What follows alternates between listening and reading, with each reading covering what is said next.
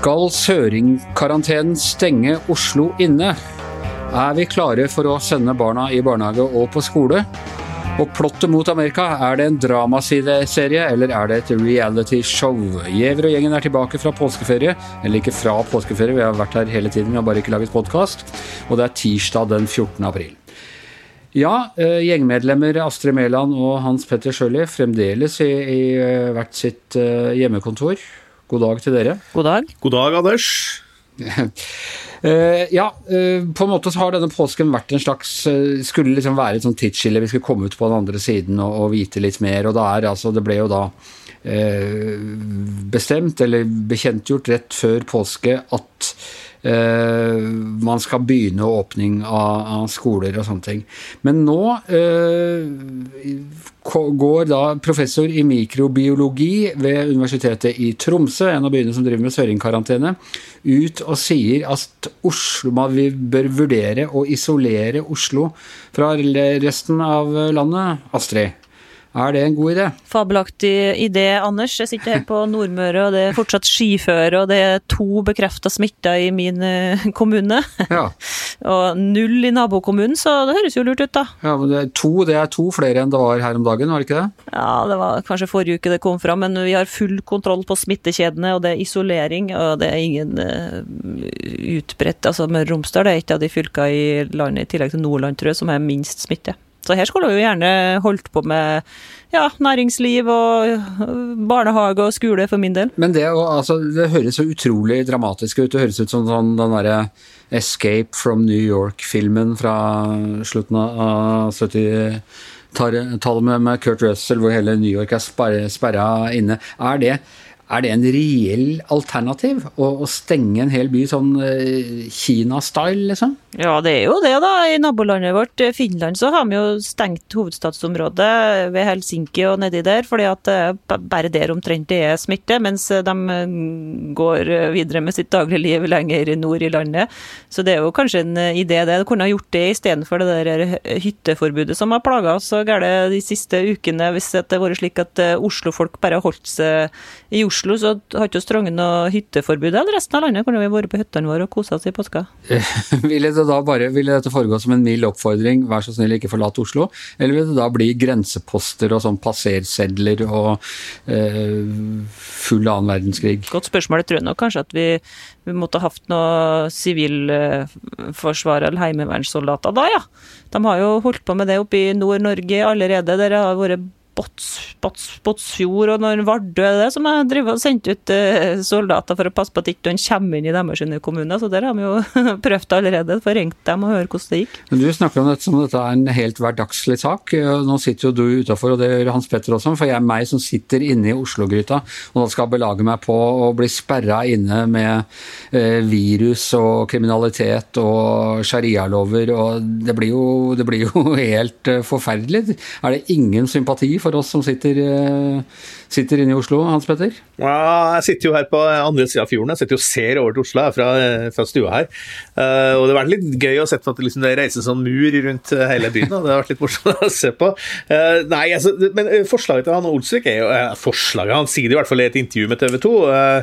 og nå har kanskje ikke han Olsvik vært den som har vært mest presis i sine prediksjoner i den koronakrisen, så jeg vet ikke hvor mye jeg skal ta det på alvor. Men det er jo ikke noe tvil om at i Finland så har det vært en, en uh, politikk som har vært ganske brutal. altså ganske sånn, De er stengt av hele den Nyland-regionen i sør, det som omfatter Helsingfors. og det, det, skal vel vurderes på nytt igjen 19.4, så vidt jeg forstår, uh, om de skal åpne. da, Men det er jo det, der har det faktisk vært en hermetisk lukking. Det har ikke vært lov å, å dra ut fra, fra, stor, fra, Helsingfors og ut i landet. og Det er jo for så vidt litt som Astrid sier, det er det som det hytteforbudet handla om i Norge også. Det handla jo ikke om, om, at folk skulle dra fra kommuner fra, fra eh, Steinkjer til, til, Levanger. Liksom. Det handla jo om Oslofolk, for å stoppe oslofolk til å dra til Hemsedal. Det var det som var hele poenget bak her. og Det, det handler jo litt om det samme.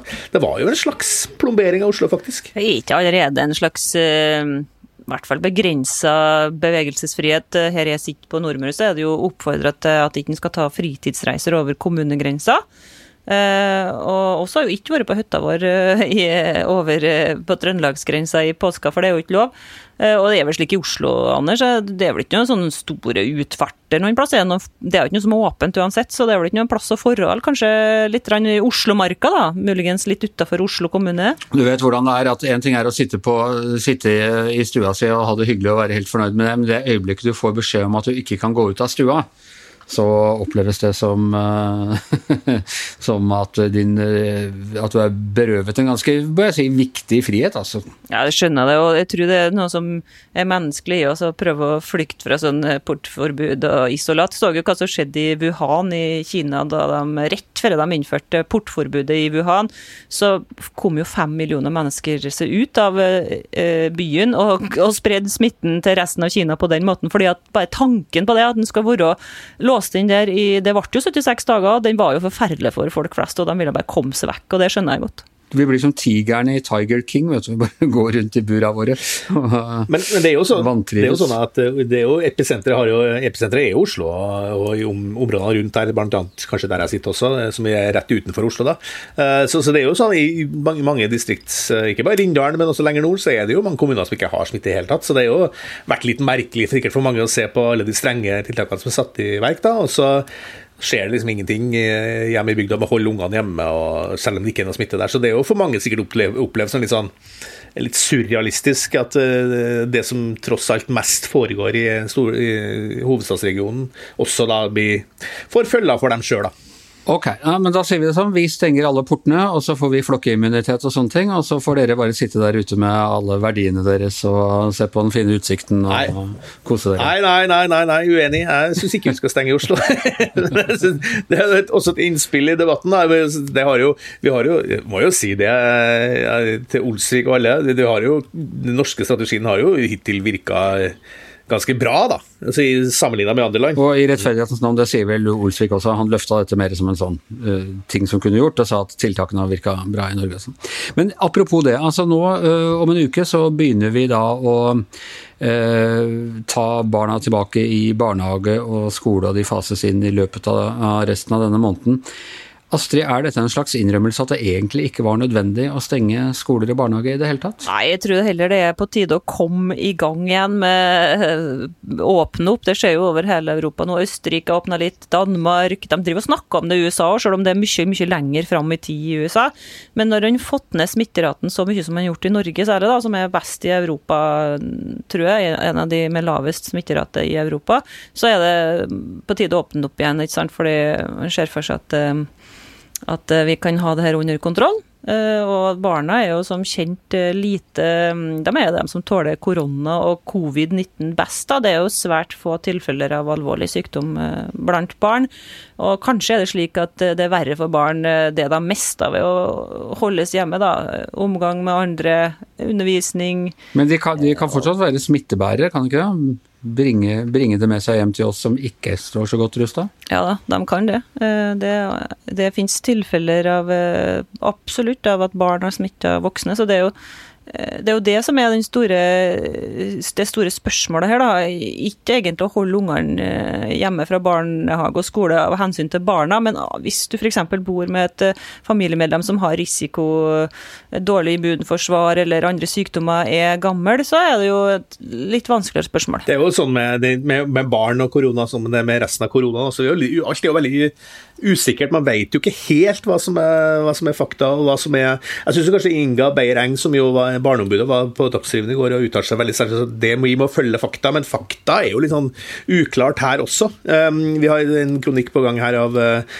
en, som har vært, en professor som har vært veldig aktiv i debatten. Han mener jo at, liksom at, at vi vet jo like lite om det nå som vi gjorde uh, egentlig da det her starta. Altså og det å operere med sånne begrep som det er fakta, det er ikke fakta, er, er litt, litt vanskeligere. Sånn. Altså, vi vet jo ikke.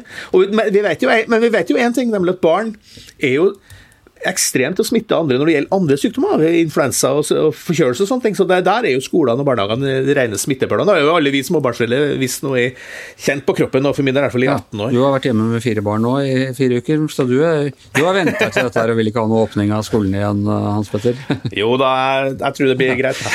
men, men altså, ja, Beyer-Eng sa det, men, det, og, men i det ligger det vel også at vi må høre på myndighetenes råd. Vi kan ikke drive en sånn individuell uh, vurdering av uh, hvor, hvilke smitteråd vi skal følge og hvilke vi, ikke skal følge, er det ikke det? Det er jeg enig i, og det tror jeg, men det har vi jo nordmenn også vært veldig flinke til hele underveis. Vi har jo fulgt rådene jevnt over ganske nøye. og Selv om det har vært en del ut, unntak her med noe festing her og der og litt utfart i marka, sånn, så har jo folk oppført seg i tråd med retningslinjene som, som myndighetene har gitt oss. Er vi, er vi, der vi skal være, Astrid? Det er litt problemer nå, da, ikke sant? for det begynner å oppstå sånne Facebook-grupper der foreldre driver oppfordrer hverandre til å holde barna sine hjemme fra skole og barnehage litt lenger og vente og se og sånn. og Det kan jo fort oppstå sånn følelse at en er en dårlig mor eller far da, hvis en velger å høre på myndighetene og sende ungene på barnehagen hvis det oppstår et sånn gruppepress. Og Derfor syns jeg Barneombudet sa noe viktig der. Jeg syns vi skal høre på myndighetene. Og det er ikke noe eksperiment med barna sin helse, i hvert fall ikke her når vi vet at eh, i slutten av mars så var det rapportert eh, om ti, under ti døde barn som følge av korona på verdensbasis, og som er det, vi hører om alle i pressen, eh, selvfølgelig, og det er pressens oppgave. Men om det er en tenåring som blir syk av korona og får problemer eller dør, så får vi høre det i alle kanaler. Så den risikoen virker mye mye større enn den i virkeligheten er. da, For det er jo mange flere 80-åringer, eh, 70-åringer, voksne og eldre som er ramma enn barn. Da. De er den, de tryggeste gruppa å sende ut i samfunnet, det er barna. Spør for en venn. Når skal 14-åringene tilbake på skolen? Nei, Det er ikke klart ennå. Nå kommer den veilederen for hvordan de skal gjøre det på barnehagene og skolen kommer på torsdag. Og det er jo ganske litt tid, for da har de jo fredagen da, til å forberede seg. Og de, hvis at Norge kommer til å følge eh, veiledningene som Danmark allerede har lagt ut, for de er en uke foran oss i sporet. og de, de sine rapporter og råd er allerede ute, og dem har jeg lest. Og det er ganske drakoniske tiltak som skal kreves her. altså. Det skal vaskes i et bankende kjør. Ungene skal ikke sitte attmed hverandre i hele tatt. De skal bare leke med to-tre andre inn, faste unger, og fem ut. Og de skal tas imot ute og ikke inn. Og det skal vaskes eh, når de sover, og leker og do skal vaskes hele tida, og de skal få noe mat på en ny måte. og det er så utrolig mange krav til de ansatte, og det, til å, det er ikke så enkelt. altså. Jeg skjønner godt at eh, myndighetene trenger litt tid på det her, for det er jo et problem å få ansatte til å komme på jobben, for det er jo ansatte i risikogrupper òg. Ja, utvilsomt. Altså, når vi først stengte, så, så kommer du borti et sånt problem. Eh, I Finland, for eksempel, som vi om i sted, der har de jo hatt et litt annet opplegg. Der har jo de, uh, skolene også på, på, et vis vært stengt, da, for, men de, de, de minste trinnene, eller det vi kaller småskolen, har vært, eh, fått lov til å komme på skolen. Har ikke blitt oppfordret, men fått lov til å komme på skolen. Og De sier nå at de skal åpne skolene uh, for alle den 13. mai, er planen foreløpig. Så de, sånn sett, Annars så kan vi jo bli håpe på da, at ungdomsskolen snart åpner, for det, åpner fordi eh, det er ikke tvil om at de der eh, kidsa vi har gående hjemme, begynner å bli litt rastløse og bli litt, eh, ja, litt sånn småsure, litt småkjipe innimellom også. Jeg forstår dem godt, det. Når de er i en fase hvor de trenger det å lære det med social skills er like viktig som, som teorien. Så, så, på et eller annet tidspunkt så, så må de tilbake igjen. Dette har vært en påske i TV-tittingens uh, tegn. Altså, aldri har vi konsumert så mye mye fjernsyn, vil jeg tro, på verken, verken på streaming eller lineær eller hva det nå eh, heter for noe. En av de mest fascinerende, syns jeg, å følge med, det har jo vært pressekonferansene til Donald Trump. Eh, han har vært eh, veldig fornøyd selv. Han har fått veldig gode ratinger på dem. Han er litt misfornøyd at ikke ratingene har vært Eh, nok rost og omtalt eh, i, i mediene. Men, eh, men de har, jeg tror vi kommer til å huske denne påsken bl.a. pga. de de pressebrifingene hans, Hans Petter, tror du ikke det? Blir, blir det, som du kanskje følger med enda bedre enn meg, men er, blir det Jeg på følelsen at blir det enda litt, litt knepp mer skal vi si, fargerikt hver gang. Jeg synes, særlig når Trump er en sånn politiker som når han får masse motstand og føler sjøl at han kanskje er litt på defensiven, så blir han bare enda mer aggressiv. Liksom. Den, den, i går var jo ganske, altså, rimelig spesiell. Ja, altså Gjennom helgen har de vært eh, har de stramma seg litt til. Eh, han hadde en sånn rant på det var vel fredag om at at viruset var blitt immunt mot antibiotika, eller hva det var. Han begynte i hvert fall å snakke om, om resistente antibiotikabakterier, mens han egentlig holdt på å snakke om koronaviruset. Da ble det ganske mye bråk rundt hei, er du, du, er klar over at det er et virus vi snakker om, og, og sånne ting. Det kan være at han bare liksom starta sånn malapropos som han gjør. Og så uh, har han da vært veldig opphisset over en over en uh, artikkel i New York Times i helgen om at han var sent ute med tiltakene, og at han Fauci, han øverste medisinske ansvarlige for, for, dette i USA også har vært ute og sagt at man skulle vært tidligere, kunne ha reddet flere liv hvis man var tidligere ute. Og nå var han i full krigsmodus altså i natt og presenterte en valgkampvideo han har laget, hvor han da roses av Kreti og Pleti for, for alt han har gjort. Og det er vel det er vel også noe som tyder på at de der popularitetsmålingene som gikk riktig veien for ham en stund, nå også ser ut til å stoppe litt opp. Ja, og det er klart at når du begynner å vise valgkampvideo, eller en slags propagandavideo, som jo for, for å liksom manipulere litt med tidslinja, på en, på en, briefing som handler om hvordan nasjonen møter den verste krisen der på, siden ja, på, på mange, mange, mange tiår, eh, så, så, så, ser det jo unektelig ganske lite stilig ut. Altså, det ser ut som en president på defensiven. da. Og han går jo nå inn i en slags konfrontasjon med flere guvernører. Flere guvernører har slått seg sammen og sagt at de skal liksom samordne åpningen og sånne ting. Og, og, det var de som stengte sine respektive stater. Og, men nå har han gått inn og sagt at nei, det er han som bestemmer, og ikke guvernørene. Så da kan du også få en interessant, klassisk amerikansk konflikt. ikke sant? Hva er de føderale myndighetenes uh, hjemler og mandat, og hva er the state rights? Uh, ja, så det er, det er duket for, for mye rart her. Men midt oppi alt dette så sender altså HBO Nordic um, en serie bygget på Philip Roths roman fra ja, når var det den kom, 2004 eller et eller annet sånt? Uh, som heter The Plot Against America, som er en sånn såkalt kontrafaktisk historie. Det er sånn dere historikere syns er ganske gøy. Uh, ja, altså hvis Hitler vant krigen, ikke sant. Hvis, Hva hadde skjedd hvis noe annet Og her er det altså hvis Roosevelt ikke hadde vunnet valget i Er det 36, eller er det 1940, er det vel? I 1940, ja. ja. men i stedet uh, at eh, flyverhelten og flyveresset Charles Lindberg, som var, ja, som var en stor amerikansk helt, men som også hadde klare antisemittiske sympatier og, og, og nazisympatier, eller i hvert fall tyske sympatier, hadde stilt til valg og, og blitt valgt på sin celebrity-status. Og vi skal ikke hitle her, men det er jo en parallell til Donald Trump som gjør at denne serien nå er litt ekstra aktuell. Det er en fantastisk timing, vet du. Men, eh, men det er jo Det som jeg syns er litt fint med den, er at den eh, er veldig lite eksplisitt på Trump. Altså det, det, det, er bare noen få sånne scener som, som uh, viser at det er en, en, en ganske tydelig parallell, da. særlig fordi de bruker da begrepet 'America First', som jo var en bevegelse i USA før, eller på den tida som hadde borti jeg tror det nesten en million medlemmer, sånn, eh, som, som hadde fascistiske antisemittiske trekk, og som, som først og fremst handla om, om non-intervensjonisme. Altså at de ikke For å USA unna andre verdenskrig. Og Det er også valgkamptrikset til han Lindberg. er altså at Vi Stemmer du på meg, så går vi ikke inn i krigen, og da sparer vi mange amerikanske liv. Og det var det mange amerikanere som selvfølgelig mente, helt fram til, da, helt fram til Pearl Harbor, eh, at man ikke skulle delta. Dette var en europeisk krig. Det var hele poenget med USA, at man hadde flyktet fra dette Europa, alle deres kongedømmer og kriger og, og,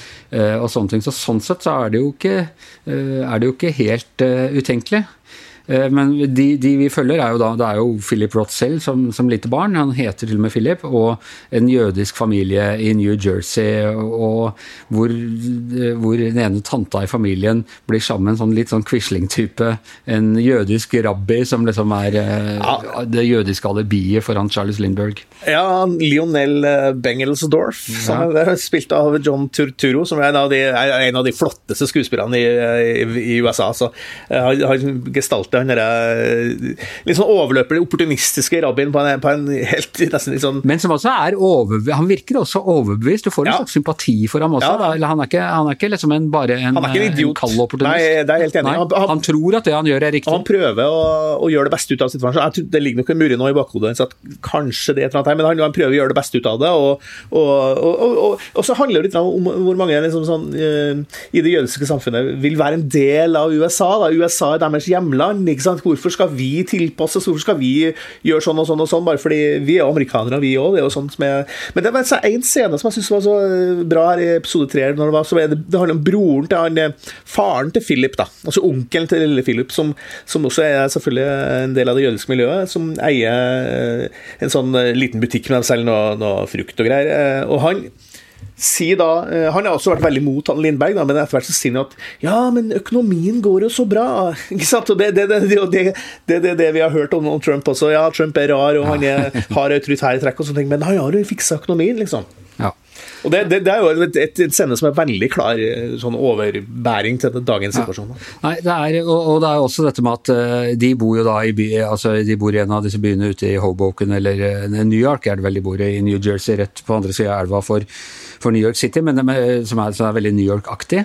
Men det er the, the real America, det er liksom ikke der, det er ute på bondelandet, og de sender han ene sønnen drar på noe sånn Lindberg-program til Kentucky for å jobbe for å finne ut hva, hva det virkelige er, og det er også en sånn Trump-parallell, at the real America, det er liksom ikke i California og New York og de store byene på østkysten hvor folk bor, men, eh, men eh, i grisgrendte strøk i Midtvesten og, og bibelbeltet. Ja, Det er vel en ganske typisk fortelling, det der, da, at byene er et sånt, stort syndefall. og der, eh, Det er ikke ekte. ekte ektigheten fins, liksom, den ekte nasjonale sjelen fins et sted på bygda eh, der det er, livet er enklere og, og mer oversiktlig. Sånn har vi det i Norge òg. Nå, øh, nå skal vi isolere denne smittepølen av en, Ja. av en by som enkelte av oss har valgt å, å bo i. Og så skal det virkelige livet der hvor verdiene skapes. Jeg tror ikke det kommer til å skje, Anders. Jeg tror det var mer en høyttenkning fra Men det er jo, det er jo ganske fascinerende å se på liksom eh, den, den serien her, og, og som vi snakka om at den er så tima opp mot det som skjer i dag eh, Det er en altså det, det er en skummel Jeg syns serien er, den er så lavmælt, det går så sakte, men jeg synes den, den er veldig creepy. Det er veldig sånn Ja. ekkel følelse hele tida at det kommer til å gå virkelig ille. det, du, Når du ser jødene en gang som, som da emigrerer da opp til Canada for, for å slippe unna det her, sånn, det er jo forferdelig, forferdelige scener. Nei, og den, er, den anbefales. Jeg syns de første to episodene var litt kjedelige. Eh, veldig fint laget, fin tidskoloritt og sånne ting. Eh, men så har det dratt seg til, og nå gleder jeg meg. Det er ny episode i dag, så, den, eh, så nå gleder jeg meg veldig til i kveld. Eh, og med det så tror jeg vi må erklære denne podkasten for over i hvert sitt hjemmestudio. Astrid Mæland, Hans Petter Sjøli, Anders Giæver og vår kontrafaktiske og faktiske produsent Magne Antonsen. Vi høres igjen i morgen.